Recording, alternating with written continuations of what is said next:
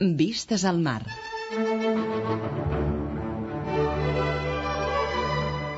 Vistes al mar. Una mirada als nostres músics.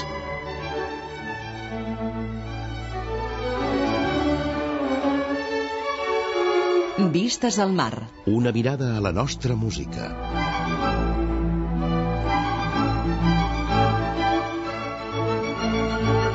Vistes al mar. La música i els músics que han fet història al nostre país.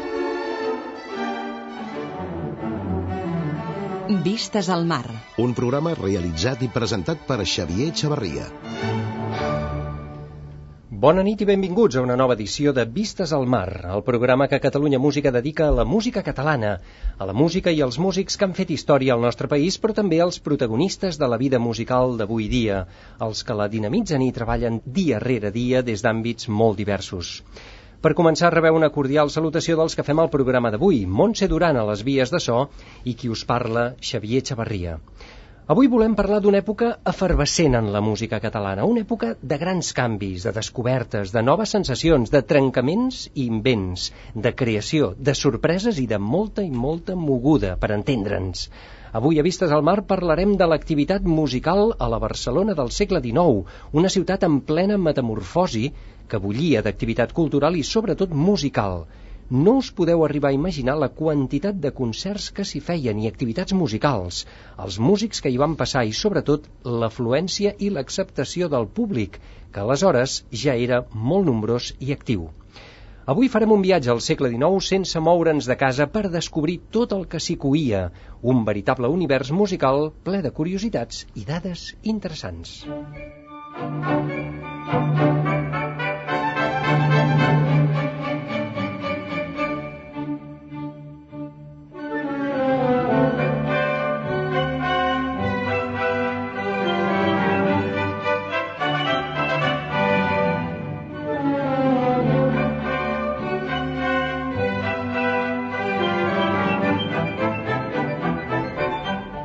Activitat concertística a la Barcelona del segle XIX. Concerts, compositors, músics, orquestres, estrenes, públic.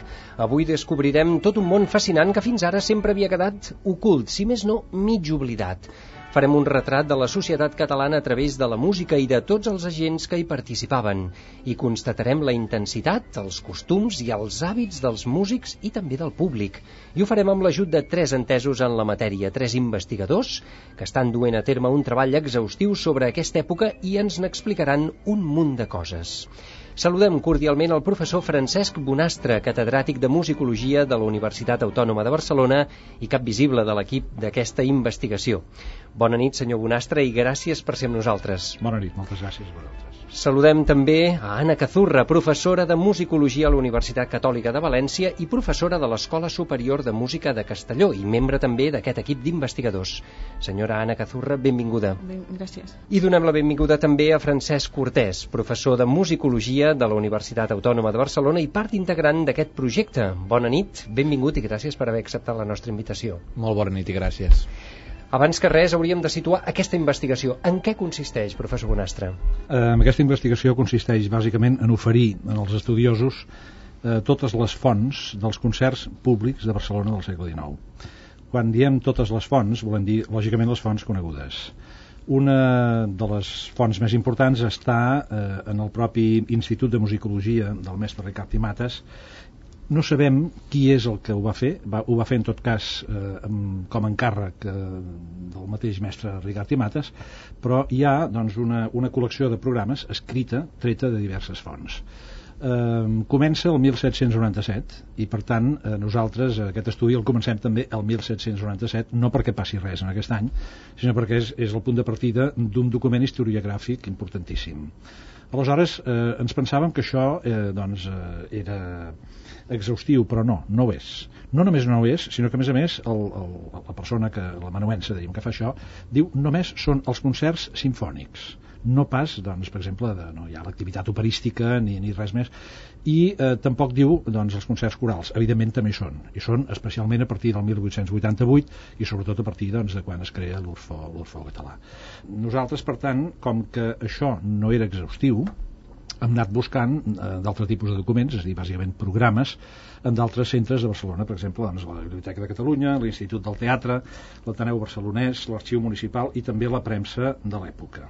Eh? déu nhi quina feinada! Han hagut de fer un buidat de tots els programes, de tota la documentació que hi havia referida a activitat concertística al segle XIX en totes aquestes institucions. Suposo que han trobat coses que devien estar absolutament oblidades, no? sí, el resultat en aquests moments, vull dir així, és simplement numèric, són 1.944 concerts entre 1797 i el 31 de desembre del 1900 però no només han fet això. El que s'ha hagut de fer és tota una tasca de normalització una tasca a més a més de crítica perquè les fonts de vegades no són prou, eh, prou creïbles. Per exemple, doncs que sé jo, en els concerts de claver i surt per exemple doncs, un rigodon de Mozart. I és clar no era Mozart, era un compositor francès que es deia Philippe Musart escrit Mozart Mozart. Com m'imagino que devien pronunciar doncs, en aquella sí. època.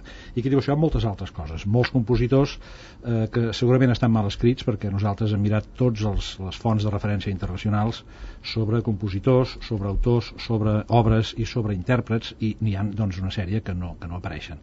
I aleshores el que hem fet és explicar-ho. No trobem cap referència i per tant el que no volem és perdre la font. Per tant doncs, donem el nom tal com està o la referència de l'obra o que sigui. Per tant, suposo que hi ha hagut un, un buidat també de totes les obres que s'hi feien, les orquestres que hi havia, els directors, les estrenes, la recepció, d'alguna manera, de la música, que comentava eh, que és una recepció asimètrica. Què vol dir això exactament? A veure, nosaltres eh, suposo que tenim una, una idea, doncs, en fi, molt adulcorada del que ha estat, eh, que sé jo, la, la recepció dels diversos models de la música arreu d'Europa, per exemple, doncs, que si a grans trets podem parlar ja sé jo, doncs, de, de, del, del barroc, eh, de, de, del preclassicisme, del classicisme, del romanticisme, del wagnerisme, etc etc.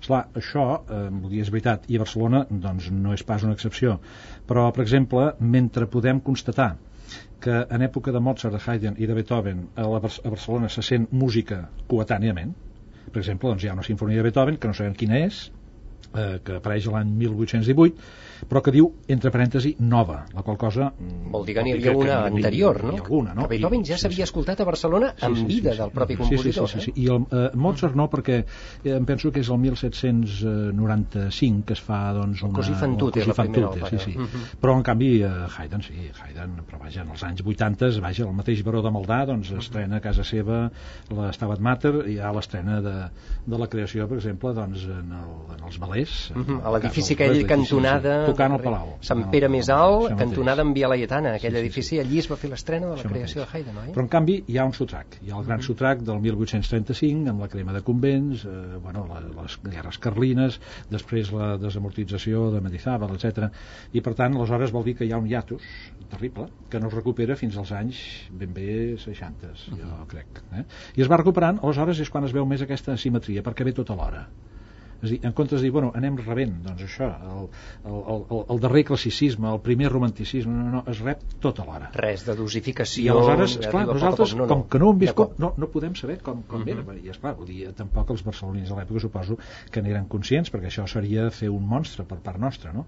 Però vol dir que hi van haver dues o tres generacions de, de, de, de, de, de, de barcelonins que no van escoltar la música de la seva època fins als anys 60 o 70 i aleshores ve tota l'hora. Ve tota l'hora, déu nhi una època molt convulsa també socialment. Suposo que hi ha diversos esdeveniments socials, polítics, històrics fins i tot de qüestions de guerra que influencien també en la música que va arribar a la ciutat de Barcelona o que es feia a la ciutat de Barcelona durant el segle XIX eh? Jo crec que sí, efectivament, i a vegades algun d'aquests esdeveniments tampoc va representar un gran daltabaix per exemple, durant la guerra del francès evidentment s'interromp en bona mesura l'activitat. Però, però afavoreix l'arribada del repertori d'òperes franceses, operetes i al mateix temps d'una bona part de la música sinfònica. I et trobes unes quantes obres, alguna d'aquí ja s'havia escoltat abans del 1808, però de fet aquest repertori continua després del 1815. Per tant, eh, te n'adones de que eh, fets negatius a vegades acaben reportant quelcom positiu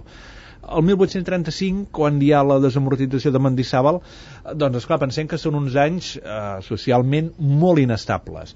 Hi ha bullangues constantment, pensem que, bueno, el, el 1835, a la plaça, el que en deien el Toril de Barcelona, eh, que estava a la zona de la Barceloneta va sortir un brau malament la gent es va enfadar bastant i en sortir van dedicar a cremar els convents a cremar... bé, i algun d'aquests convents sí, després s'acaba convertint en teatre Públic més fogós, oi? sí, sí. bastant, Això, bastant a la oi? música, en música també passava o què?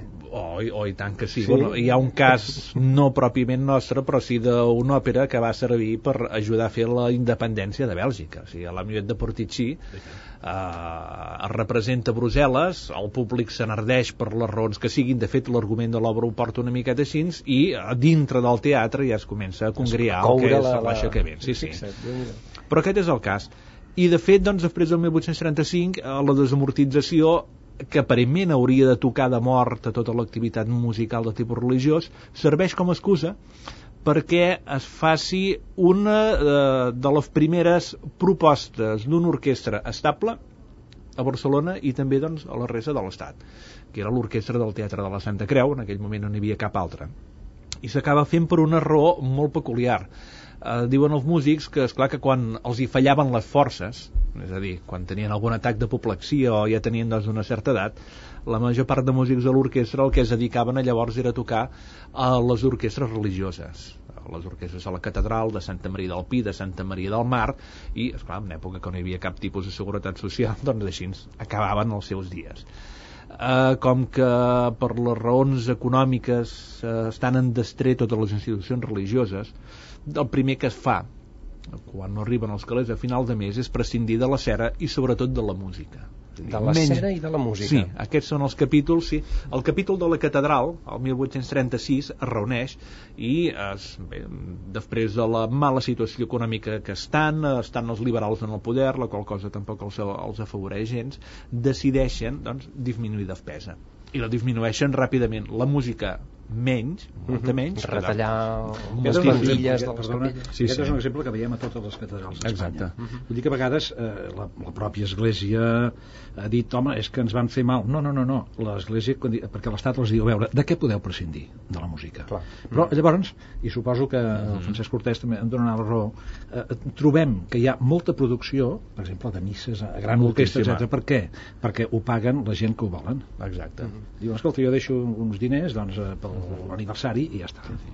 per dir-ho en la terminologia actual, eren orquestres de bolo. És a dir, en comptes de la catedral a Santa Maria del Mar, doncs comptar amb una orquestra d'uns Estable. 35-40, doncs no, acaben siguent orquestres de 8 persones, que això d'orquestres ja quasi bé no en, té, no en té absolutament res, i llavors doncs depenia de, jo què sé, el dia de la festa dels notaris, el dia de la festa dels sabaters, festes gremials, o, si no, fundacions particulars, o exèquia fúnebres d'un pròcer de la ciutat, aquest senyor pagava.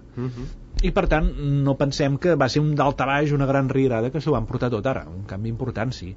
I també aquests canvis importants el que van ajudar molt és obrir les portes eh, cap a l'exterior.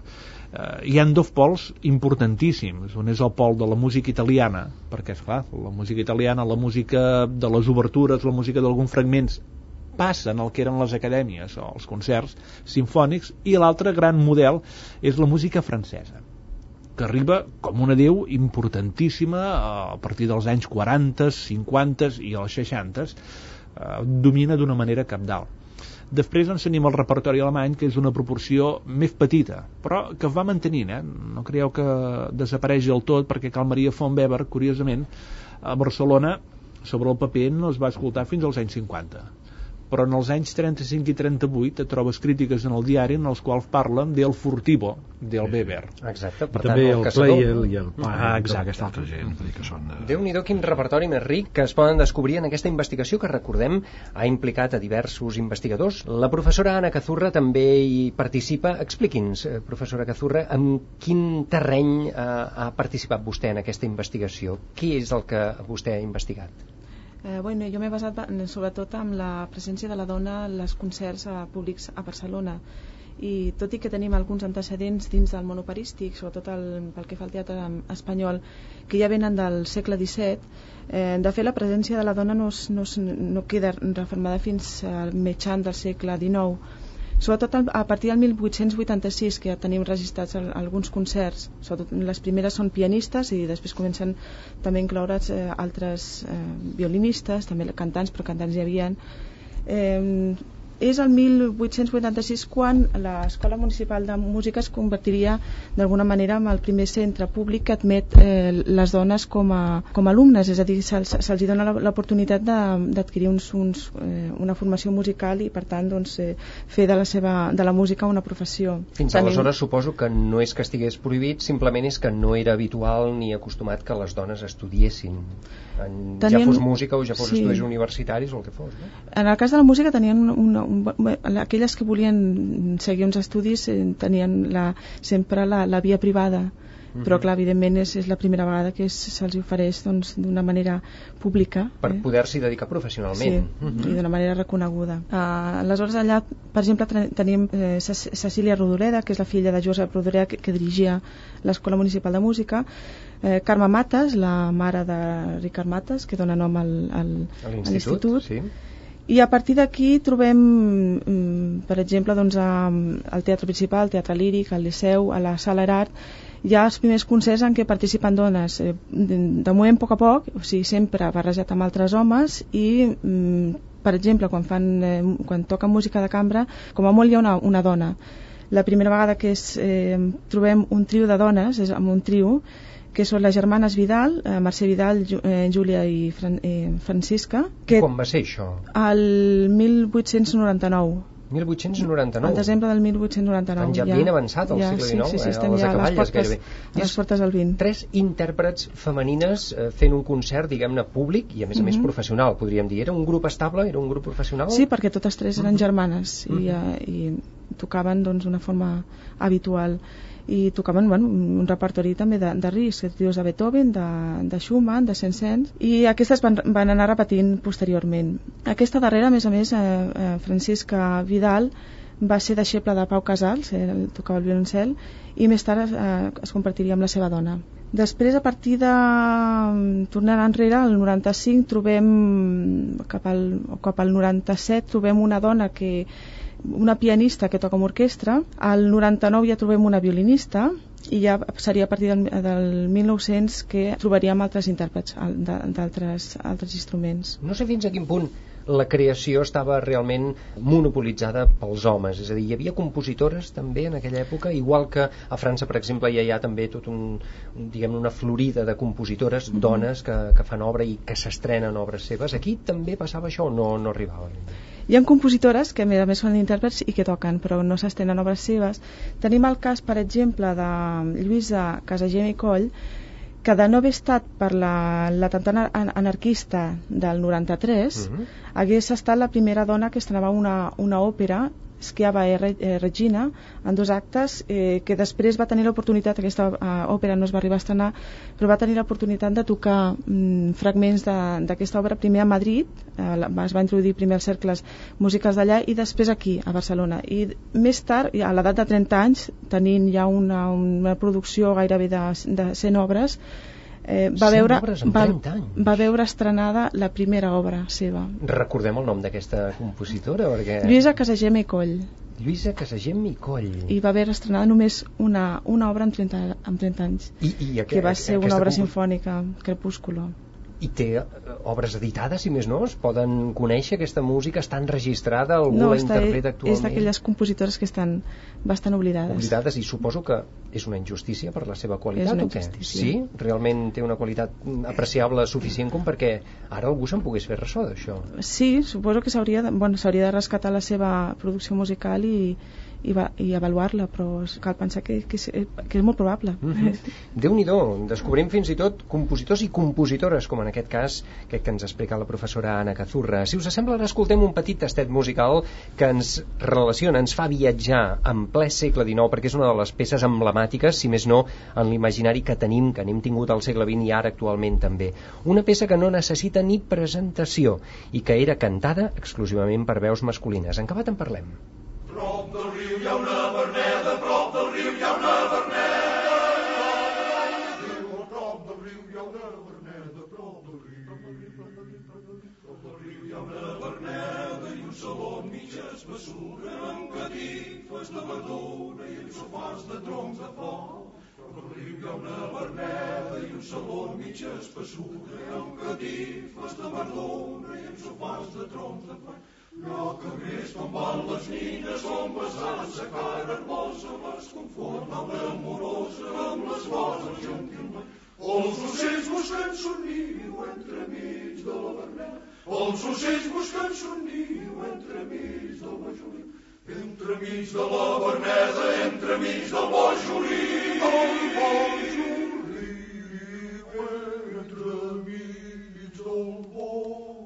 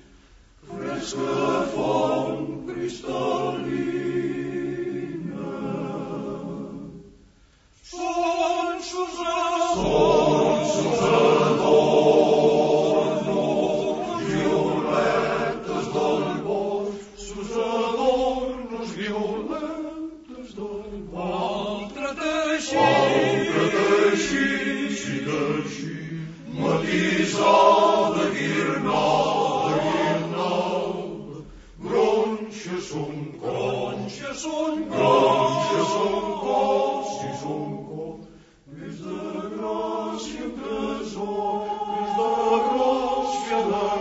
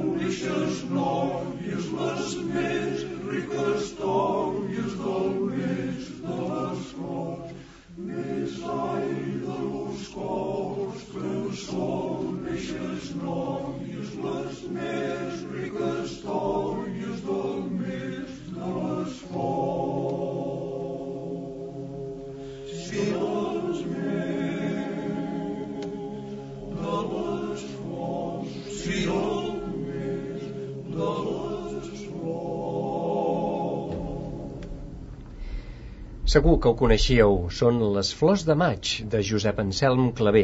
Hem sentit la primera part d'aquesta peça que dura gairebé 8 minuts per veus masculines en la interpretació d'aquelles interpretacions, diguem-ne, llegendàries, mítiques i que ens ha vingut de gust escoltar aquí al Vistes al Mar de la Societat Coral Joventut Terrassenca que dirigeix Miquel Casas Vell. Vistes al mar. Una mirada a la nostra música. Valdria la pena parlar mm, de l'activitat que va generar tots aquests cors de claver que es van multiplicar extraordinàriament a mitjans del segle XIX i que van d'alguna manera portar la música, la cultura musical als estrats socials més humils. Eh, gran tasca la de Josep Ansel Clavé, oi que sí?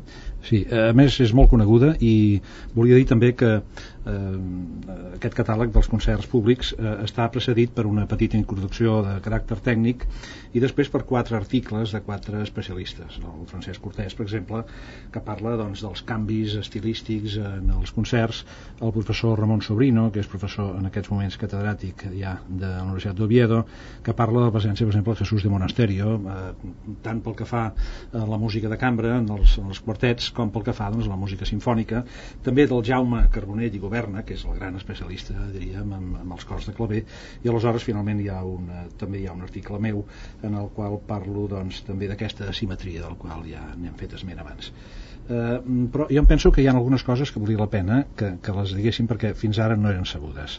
Per exemple, els cors de claver. En primer lloc l'impacte social. Al cap d'un any de començar eh, l'Eco d'Euterpe diu avui fa un any que vam començar tot això i diu hem mogut 193.000 persones que vol dir el, el, el, el, el 90% dels habitants de la Barcelona en aquella època. És a dir, de públic, 193.000 persones de públic en quants concerts això? Sí, sí. Però bueno, els concerts eh, duraven la, la primavera, començaven eh, la primavera fins, fins al començaments de la tardor, eh, o sigui, d'abril, maig, fins a, com a molt, la Mare del Pilar, fins com a molt eh, la Mare del Pilar, perquè habitualment plegaven per la Mercè. Uh mhm. -huh. Però l'important no només és això, sinó també a través dels cors de claver i que evidentment hi ha tot aquest repertori tan interessant i a més a més doncs, que el caràcter d'aquest cor no era pas doncs, essencialment musical, sinó que bàsicament doncs, era de, de caràcter regeneracionista. No? Eh, i per això ell ho diu també eh, diu, dignificar no? sí, no només això, diu, diu estos conciertos diu, estos bailes diu, són el, el mejor remedio contra los lupanares eh? no, no, o sigui, ho diu en Però es referia als cantaires o al públic no, no, no, no, es refereixen al públic i als treballadors ah. perquè evidentment estaven pensat en això és el públic també sí, sí. era gent de classes molt humils evidentment, i modestes evidentment, evidentment. però també cal dir encara dues o tres precisions més, molt, molt curtes en primer lloc, la major part d'aquest repertori no el cantaven els cors de claver sinó que el cantaven els del cor del Liceu amb l'orquestra del Liceu o, o gent professional. Quin repertori? El Tot repertori aquest repertori, de les, les flors de maig, la maquinista, els xiquets de valls, etc. Mm. I moltes altres, de, que, com ja hem dit abans, ho ha explicat el francès, doncs, que ve doncs, de, de, de l'òpera còmic francesa i a més a més doncs, bueno, eh, recordem que també la primera música wagneriana que se sent, el 1862, que és la, eh, la, la, la marxa de, del Tannhäuser. del Tannhäuser doncs bueno, és aquí és 1862, és just quan eh, Wagner havia fet la, la, la versió del Tannhäuser per, per París no? Ai, I on es feien aquests concerts? Eh, Quina sala hi havia? No, no, no, no era cap sala no era cap els jardins, sala. els jardins d'Euterpe estaven sí, al Passeig de Gràcia sí. bueno, el que avui és el Passeig de Gràcia els jardinets del Passeig de Gràcia per sobre de no, no, no, els jardinets, no? no, allò era una carretera era la carretera de Barcelona a Gràcia uh. -huh. i aleshores, penso que va ser l'any 60 o 61, Exacte. que hi va haver doncs una, en fi, eh, per, per, per eh, intentar de solucionar doncs, les qüestions econòmiques dels obrers doncs bueno, escolti, fem una obra social i comencem aquí doncs, a obrir jardins i coses no? Uh mhm. -huh. eh, però allò era una carretera la carretera de, de Barcelona Gràcia la, la porta de l'Àngel, el portal de l'Àngel allí hi havia la, la muralla de Barcelona és a dir, allí començava Barcelona, la plaça de Catalunya no existia la Setge Gràcia molt menys sí, sí, sí. No, no, és que bueno, l'Eco d'Euterpe és el mateix any 59 el mateix any de la Renaixença és a dir, uh, l'enfocament ideològic l'enfocament de fer del que va ser la Renaixença literària uh, el, vaja, a la sala de l'Ajuntament de Barcelona del que eren aquests concerts no tenia res a veure. Ara, la finalitat era la mateixa. És a dir, el concert primer popular, primer per l'horari, perquè a vegades feien fins i tot concerts abans d'anar a treballar. Sí, sí. És a dir, a, a les 7 del matí, a les 8 del matí, sí, sí, abans d'entrar a la fàbrica i a les 6. Un moment, sí. concerts a les 6 i a les 7 del matí. Esclar, abans d'anar a treballar. Els dies de cada dia abans d'anar a treballar. I els diumenges.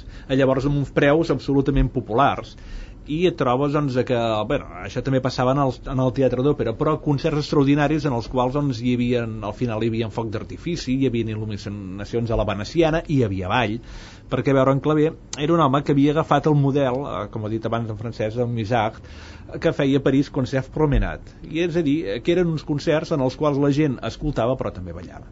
Clar, si veiéssim la tipologia dels concerts que feia l'Anselmo Clavé, no només hi havia peces com la Flors al maig, que eren interpretades per al cor de la seva entitat, sinó que hi havia eh, anem a posar per al cas una obertura, anem a posar doncs de si, si j'étais roi de l'Adam interpretada per una orquestra, et diuen en 60, 70, 80 músics, dirigida per en Moliner. El Moliner. Exacte, aquell era molt. O a vegades eh, reforçada per la banda del Bressonier, que era un altre dels músics de l'època. Bé, llavors al darrere tenies una pastorela catalana, a lo millor et cantaven eh, una tarantela, a continuació un idili català, i dintre de l'idili català hi podien entrar, doncs, per exemple, les Fols de Maig. Llavors... Quin popurri! Sí, o Glòria sí. Espanya. O Glòria Espanya, que era un altre de claver. Després venia Hernani de Verdi, Una mitja òpera, part, i llavors després, a lo millor, segona part, començaven coro de la, eh, de la hechicera, de les bruixes, del Cuyàs.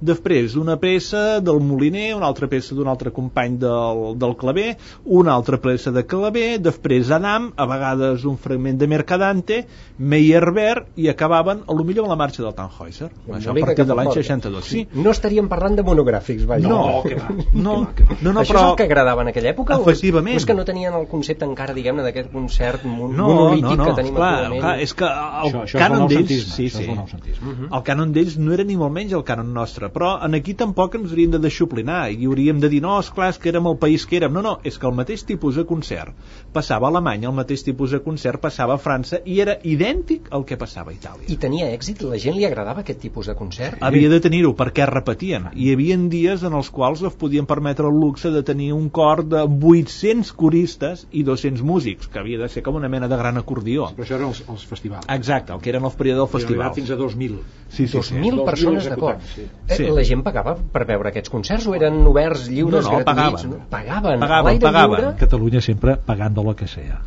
Sí, exacte. No, mai han estat gratuïts perquè aquests concerts mai van ser sponsoritzats. I, a veure, no sé si és massa preguntar qui s'enduia tots aquests calarons, perquè clar, 193.000 persones... Bé, tants... home, diguem que anava una miqueta a repartir entre els músics i després no ens amaguem que Clavé, la seva doncs, eh, gran aposta va ser una mena de creació de caixes de resistència per les societats corals. A veure, pensem que és un moment en el qual l'associacionisme obrer estava prohibit. Perdona. O sigui, era, era un empresari, ell també. Perdona, i Ell, encara una altra cosa. de concerts, Era un home, jo crec que era un home absolutament de futur i un visionari que eh, prenia exemple del que estava passant a fora.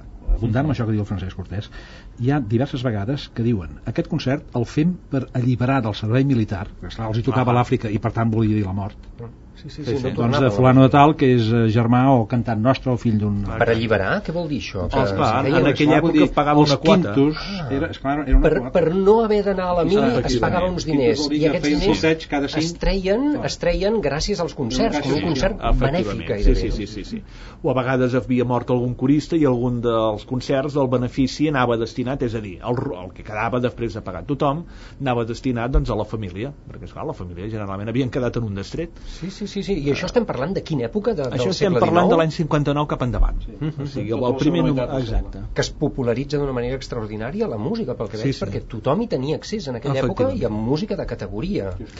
I a més a més penseu de que no era no sols música de categoria sinó que les mateixes obres que es podien fer en el Teatre del Liceu en el qual aquestes classes socials no hi podien arribar-hi la mateixa temporada alguns fragments eren interpretats en els cors de claver o un altre company de claver que també va muntar la seva pròpia societat que va ser el Ramon Bartomeu feia el mateix. És a, és a dir, que tot aquest grup de concerts que ha explicat en Francesc Bonastre hi hauríem d'afegir uns quants anys després el d'en Bartomeus i d'altres societats barceloneses per tant, eh, el suposat decalaix, el desconeixement de la música europea en el nostre país és però que molt que relatiu. Ens arribava molt ràpid, evidentment, doncs, tamisada a partir d'uns cànons determinats, que no, sobretot, no coincideixen de cap manera amb els cànons del nostre temps. Interessant. No sé si... Suposo que també devia, devia haver eh, una sèrie de concerts, diguem-ne, d'audicions més íntimes, més recollides, potser fins i tot per l'alta societat. Eh, no sé si ho ha estudiat vostè, això, la professora Cazurra, aquest tipus de concert més íntim, les audicions íntimes que hi havia, això. És més del segle XX, potser, no? Però...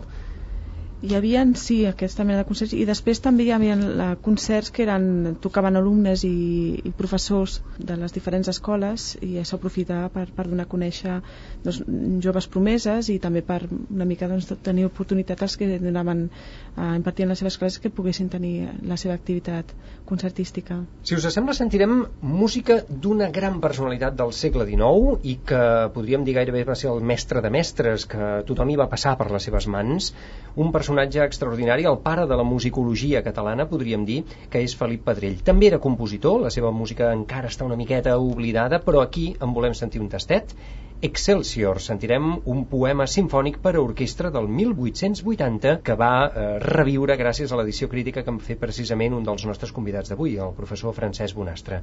Sentim els primers compassos d'aquest Excelsior de Felip Pedrell.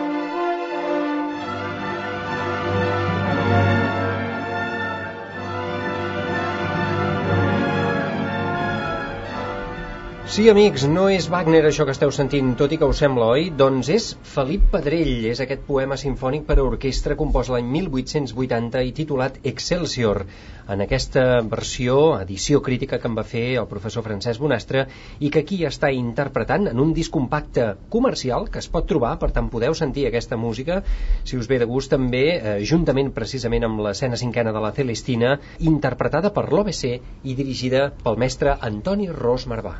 Vistes al mar. Seguim endavant vistes al mar parlant d'aquesta activitat concertística i musical a la Barcelona del segle XIX. Fins i tot sembla ser que hi havia una mena d'aparició o de recuperació, podríem dir, d'uns clàssics que la gent no acabava d'entendre del tot però que sorgeixen com a bolets després de 200 anys de no sortir-los ningú. Palestrina i Johann Sebastian Bach, dos autors que es comencen a escoltar en aquesta època després d'haver estat anys oblidats, no? Sí, sí. El cas de Palestrina és a partir del 1828, eh, a partir de la publicació del Baini, que va publicar eh, les dades biogràfiques fonamentals, però també una petita antologia i per altra banda el cas de Bach doncs és d'un eh, en fi, és un any més tard 1829 eh, que és doncs la, podríem dir reestrena o reposició de la passió segons Sant Mateu eh, feta per un jove que es deia doncs, Fèlix Mendelssohn Bartholdi no? uh -huh. que els va tenir grossos em sona aquest, realment sí. per fer una cosa d'aquest tipus que a més a més tothom deia que aquesta música era una música que era inintel·ligible i era impracticable a partir d'aquí comença l'aventura d'aquests dos personatges i que és clar que entra en conflicte amb l'estètica de l'època i fins i tot eh, diríem amb la visió històrica de l'època perquè per primera vegada podem parlar d'això que jo a vegades anomeno contemporaneïtat complexa. És a dir, no hi ha només la pròpia música coetània, sinó que a més a més et ve una música que és d'una altra època i que per tant no són els criteris els mateixos a l'hora d'entendre-la i sobretot a l'hora de programar-la. Però curiosament es programa especialment eh, Palestrina a partir del sicilianisme i Palestrina fa venir els seus eh, utilitzaré un nom que no m'agrada que és epígons, però a l'època sí que s'anomenaven epígons, com que sé jo doncs, doncs Victòria, com Lassus com tant, tants d'altres, i és clar Bach fa també eh, aparèixer doncs, els seus epígons és a dir, Händel, etc. no es parla de barroc, ningú sap què és el barroc però en canvi aquests personatges funcionen i funcionen de meravella és curiós, no sé si en aquella època també hi havia això que entenem avui en dia com a cicles de concerts o festivals de música, és a dir, programacions eh, establertes, aquests concerts clàssics o aquests concerts vidiella, mm, se'n feien d'aquests concerts? La gent es podia abonar, per exemple? Hi havia gent d'abonament? Com anava això? Ho feien d'una manera puntual i mai va arribar a quallar com unes temporades molt estables. Per exemple, l'any 1867, Joan Casamitjana va programar la primera sèrie de concerts clàssics d'orquestra entre els quals doncs, ja hi ha alguns dels noms que ara han sonat després en Josep Rodoreda en el 1878 torna a programar uns altres concerts clàssics d'orquestra i, eh, per exemple, arribem doncs, el 1881 en el qual en ocasió de la inauguració del teatre eh, el Tívoli eh, no, perdoneu, el Líric eh, doncs, que la gent la va conèixer com Sala Beethoven aquell any es van interpretar obres de Bach, Lully, Händel, Haydn, Gluck, Mozart, Beethoven i el Berlioz posat aquí al mig, que ja evidentment no és ni coetani de, de tots ells, però que ja el consideraven, observem la cosa, un autor antic, un autor clàssic. A Berlioz, això, eh? Efectivament, a Berlioz. Uh -huh. I, I, per tant, és la primera vegada en tot el decurs de la història que es produeix un trencament cronològic. Fins a aquest moment podríem dir que hem estat visquent amb la coetaneïtat i amb la coetaneïtat immediata i després la música, com que té senzillament una finalitat funcional, les obres a la curta o a la llarga acaben desapareixent això no vol dir que els compositors eh, l'estudin. Esclar, per exemple, nosaltres diem home, és que a Barcelona no van sonar les nou sinfonies de Beethoven fins al 1900 cert, d'acord. Però eh, si agaféssim qualsevol tractat d'instrumentació d'abans de la meitat del segle XIX i tractats publicats en el nostre país, com per exemple el d'Andreví, tots al darrere hi havia algun exemple de Beethoven i la que mai solia fallar-hi era la cinquena de Beethoven. O bueno, l'any passat eh, per exemple el motiu doncs l'any Mozart jo vaig estar fent una miqueta de recerca de quina era la imatge de Mozart en el segle XIX i em vaig quedar-me aclaparat perquè Mozart és absolutament present hi han cites en les obres i a eh, tots els tractats pedagògics ell hi és és a dir, durant el segle XIX Mozart... durant el segle XIX no, no, no, el segle XVIII un compositor, mm -hmm. mestre de capella ah, sí? de Tarragona, Melcior Juncà, mm -hmm. té un tractat, un tractat que va publicar la Joana Crespi, el cel sigui, fa uns anys, en el qual hi ha exemples de Mozart, de sinfonies i d'òperes de Mozart. I això és el segle XIX, el dir, segle... gairebé- No, no, no, no, no, el segle XVIII, finals segle del segle XVIII. XVIII. És un compositor nascut, curiosament, al 17, 1757, és a dir, un any després de Mozart. coetani de Mozart, Coetani de pràcticament, i Mozart, sí, sí. utilitzava Mestre de capella de Catedral de Tarragona. Déu-n'hi-do. I, per exemple, Ramon Carnisser, quan va estrenar a Barcelona el Dissoluto Ponito, el 1821, en ple trienni liberal, a veure, el, quan diem el Dissoluto Ponito, és el Don Giovanni. Bé, doncs resulta que en aquesta obra ha estat tota corulla de cites en el Don Giovanni, quan el Don Giovanni encara no havia escoltat a Barcelona. Però és que el Don Giovanni el coneixia tothom. Uh, si veiéssim, per exemple, el francès Engre, quan va dibuixar a Charles Gounod, doncs a Charles Gounod jove el dibuixa tocant el piano i assenyalant una partitura del davant que és el Don Giovanni. Uh, bé, ara no tocaria perquè que ens estem allunyant però si féssim una història de la pintura del segle XIX a partir de les cites en els quals surt retratat el Don Giovanni ens quedaríem aclaparats perquè Sí. n'hi ha més d'unes 30 obres Déu-n'hi-do. per tant aquella, els referents clàssics hi són ara, no són a la sala de concerts perquè evidentment, és això que explicava en Francesc Bonastre per la gent els hi era estrany els hi era difícilment intel·ligible uh, en alguna ocasió fins i tot podrien dir de, de que eren exemples no prou ben perfeccionats aquesta era la paraula que deien doncs, d'una manera molt darwiniana pensant doncs, en un sentit de l'evolució de la música que avui en dia en superat, guard. diguéssim, eh? Sí, sí, sí. home uh, hauria d'estar-ho Uh, perdoneu que ho diguéssim perquè a vegades un s'alarma quan veu alguns manuals que encara van corrent per allí i diu la música va perfeccionant més i doncs mira quina desgràcia que m'ha tocat a viure ara més bé. Va sí. millor. Sí, sí, sí. El- Les dones en la música, a part d'aquestes intèrprets, eh, compositores n'hem parlat, eh, hi ha altres personalitats que tinguin pes en aquest moment en la societat musical de Barcelona al llarg del segle XIX o a principis del XX? En tot cas serien les pedagogues. Les Pedagogues. Sí, que, que bueno, donen, donen a la llum una, una gran quantitat de, de músics, entre altres dones. I jo volia mm, fer una esmena, bueno, en tot cas parlar una miqueta més del cas de, la, de, la, de les dones compositores, sobretot perquè és, és, una, és en un context en què en primer lloc predomina en aquests concerts que, ell, que ja- sí que hi és la presència de la dona com a intèrpret predomina sempre el repertori habitual internacional o sigui el, el, el classicisme i romanticisme amb, amb, una mica menys el de, el de casa a part del, dels Albenis i Granados doncs eh, hi ha obres de, de Morera, Casals, Gai però no, no hi ha obres eh, d'aquestes dones que són intèrprets i són compositores i en di- diversos casos. Eh, inclús eh, bueno, jo volia citar eh, per exemple el cas de Farga que és violinista, pianista i compositora eh, toca bastant, o sigui, tant com a pianista com a, com, com a violinista Ònia Farga, Onia Farga Mhm. com a violinista es va formar amb, amb Crickboom amb Matthew Crickboom Mhm, el belga que... Sí, per tant, doncs, eh, bueno, tenia, El que acompanyava- possibilitats.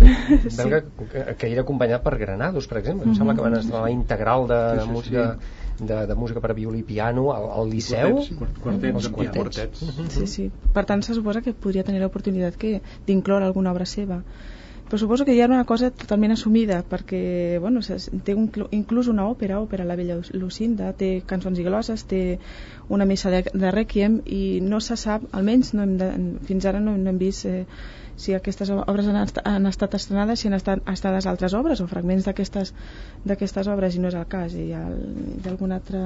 És a dir, Cas- moltes compositores que feien obres d'envergadura i d'entitat. Estem parlant d'òperes i de Òperes, rèquiems, sí. no, no peces de cambra que es podien... Exactament. I que probablement no I es té cançons, i constància... cançons molt boniques, eh? Sí, sí, sí. Els líders són, són, són excel·lents. però a més a més diguem-ne amb una ambició Sí, amb una musical ambició, sí, sí, sí. extraordinària Sí, sí. però que no es té constància de que mai s'haguessin interpretat en públic per tant probablement ni s'han estrenat aquestes obres és possible això? Fins ara no es té constància. És Sí, increïble, per és- tant una de les coses que s'ha de fer és buscar veure si aquestes obres surten a, a algun lloc o a algun programa El no? que és curiós és que tinguessin la, la inquietud i la, la desenvolupessin, o sigui, elles Sí, sí. anaven escrivint, anaven escrivint eh, mentre anaven compaginant amb la, amb la seva activitat interpretativa. O És- sigui, suposo que no perdien l'esperança Jo de crec. que hi hauria algun moment Home, potser tocaria col·locar. músics del segle XXI de, de redescobrir totes aquestes compositores també, Sí, perquè sí, sí, sí. veig que era generalitzada aquesta mena d'ostracisme per la música de condició femenina, per entendre'ns? Pel que veiem, sí, almenys el, pel que fa a la creació, sí, perquè no, en, tot aquest, en tots aquests concerts durant el segle XIX és ben entrat al segle XX que ja comencen a, a incloure's algunes,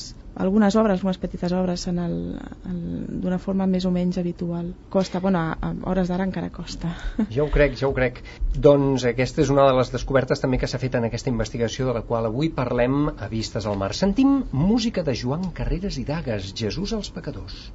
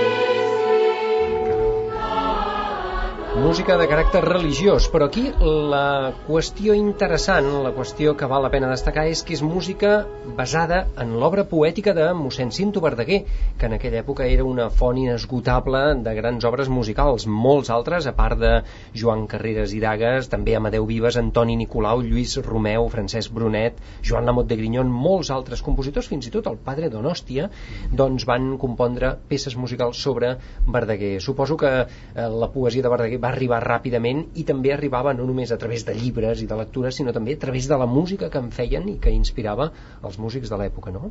Sí, home, per descomptat. Veure, jo crec que Verdaguer, eh, en aquest cas, hi han com tres eh, elements importants que va amarar, per dir-ho d'alguna manera, la música d'aquella època. Per una vessant hi ha tot el que és el repertori de tipus religiós pietós, que juntament amb en Candy Candy, eh, que van portar endavant una tasca molt important de dignificació de la música religiosa, el, el seu paper és capdalt. Després tenim doncs el Verdaguer èpic, que va atraure molts compositors i alguns altres, esclar, s'hi van estavellar perquè eh, tant eh, l'Atlàntida com Canigó són unes obres d'unes dimensions colossals.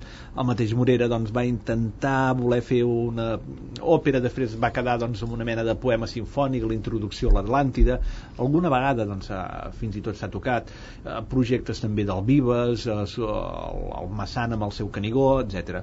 I per l'altra banda, l'altre element nuclear de, de la lírica de, de Verdaguer diguéssim, és tota la peça amb una significació nacionalista important eh, per exemple eh, Verdaguer va escriure La Barretina aquesta, aquesta poesia de la barretina que ell incorpora doncs, en, el, en el seu llibre Pàtria parla de la barretina que es deixa de fer servir i és el símbol de la pàtria. Doncs bé, immediatament Candy Candy posa música a la barretina i la barretina s'esdevé, sobretot entre els cors claverians, una mena d'himne eh, d'una força similar al que avui en dia li podrien donar, doncs, eh, per exemple, el cant de la senyera, que en aquell moments uh -huh. encara no existia, o el segadors, que el segador, recordem-ho llavors, no era pas ni molt menys o, eh, un himne, sinó que senzillament era una cançó popular i fins i tot doncs, amb alguna versió certament picant. Una miqueta escabrosa, ja ho crec. Bé, sí, sí, sí. per dir-ho d'alguna manera, uh -huh. no el segueu, oi?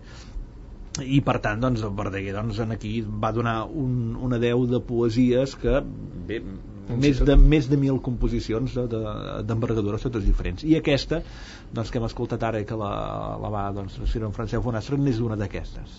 Hi, hi ha una cosa també que és, que és, que és important eh, que és que després de la Guerra Civil eh, espanyola a Catalunya la, la poesia va salvar el català va salvar l'idioma. I especialment amb aquest tipus de, de, uh -huh. diríem, de cançons més aviat pietoses ah, que dius, bueno, sembla que no tingui ni una gran importància musical que la té perquè moltes estan musicades per, per excel·lents compositors però la, a veure, la funció era una altra.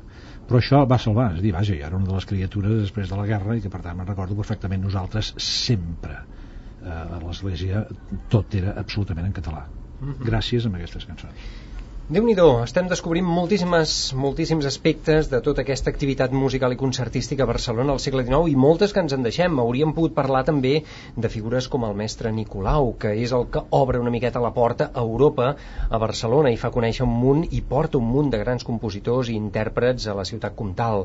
I també de l'exposició de 1888, que va ser la que va una miqueta motivar la creació d'aquest gran transatlàntic coral que va ser l'Orfeo català amb Millet i Vives al capdavant i amb una nova manera, una nova concepció de fer música i també de cantar. Però vaja, el que sí que valdria la pena comentar és que tota aquesta informació estarà recopilada en una sèrie de, de, de catàlegs dels quals ara ja se'n publica un i que a més a més eh, sortirà ben aviat, el podrem tenir entre nosaltres i a més a més és una tasca, podríem dir, inèdita, és un terreny inèdit en la seva majoria, si més no eh, informació que fins ara mai s'havia fet pública. És així, doctor és Bonastre? Així, és així, i a més a més això pot semblar a vegades que és una simple recopilació, una còpia, etc. no eh, molt d'una molt, molt succinta m'explico. Els procediments que, que s'han utilitzat són els següents. En primer lloc, la normalització de les entrades de les fitxes de cada concert.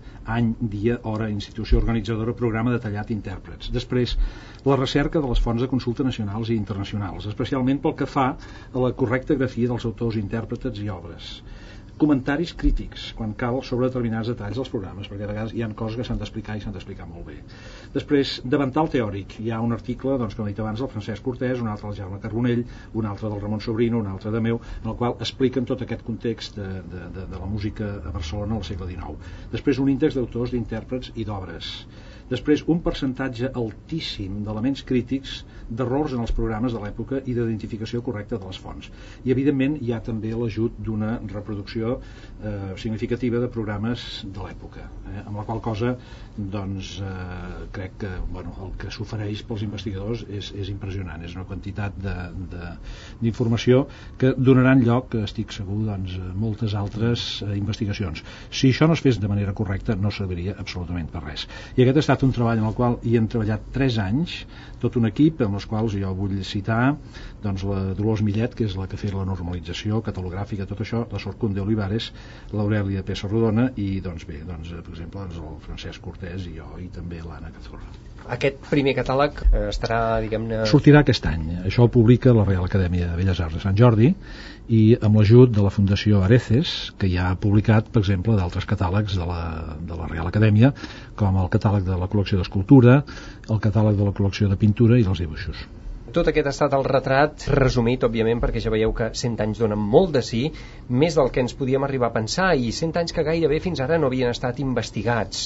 100 anys de la història de la música a Catalunya, especialment a Barcelona, que es podran doncs, ja consultar amb molta més propietat amb aquest treball rigorós i aprofundit que han fet tot aquest equip d'investigadors que avui ha estat representat aquí a Vistes al Mar per aquests tres convidats que tenim. I aquí agraïm moltíssim la seva assistència la professora Anna Cazurra, gràcies per ser amb nosaltres. Moltes gràcies. També el professor Francesc Bonastre. Moltes gràcies. gràcies per ser amb nosaltres. I finalment en Francesc Cortés, gràcies també. Gràcies i bona nit. I evidentment a tots vosaltres també per la vostra atenció. Ja ho sabeu, Vistes al Mar com cada divendres al vespre, fins al punt de la mitjanit, aquí a Catalunya Música. Hem estat amb vosaltres, Montse Duran, el control de so i qui us parla, Xavier Xavarria. Us esperem la setmana vinent amb més música catalana aquí a Vistes al Mar. A reveure. Vistes al Mar.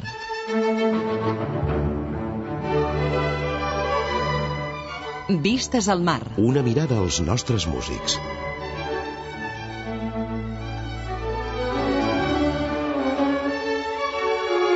Vistes al mar.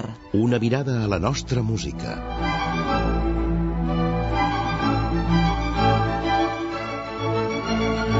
Vistes al mar. La música i els músics que han fet història al nostre país. Vistes al mar. Un programa realitzat i presentat per Xavier Xavarria.